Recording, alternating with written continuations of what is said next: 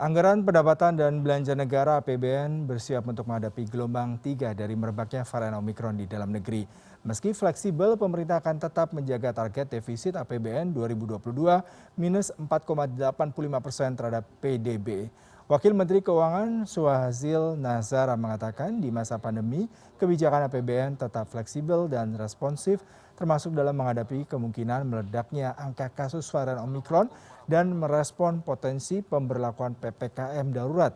Salah satunya melalui dana pemulihan ekonomi nasional pada tahun 2022 yang dinaikkan dari semula sebesar 417 triliun rupiah menjadi 455,62 triliun rupiah. Fokusnya mengerucut pada tiga sektor, yakni kesehatan, perlindungan sosial, dan penguatan ekonomi. Suhasil menambahkan pemerintah akan tetap berhati-hati dalam berutang untuk membiayai APBN yang fleksibel tersebut.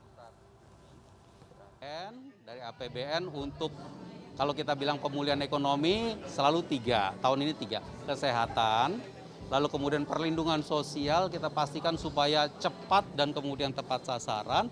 Dan untuk pemulihan ekonomi dari berbagai macam kegiatan KL dan Pemda itu kita arahkan untuk mendorong penyerapan tenaga kerja. Penyerapan tenaga kerja agar employment itu menjadi apa ya didorong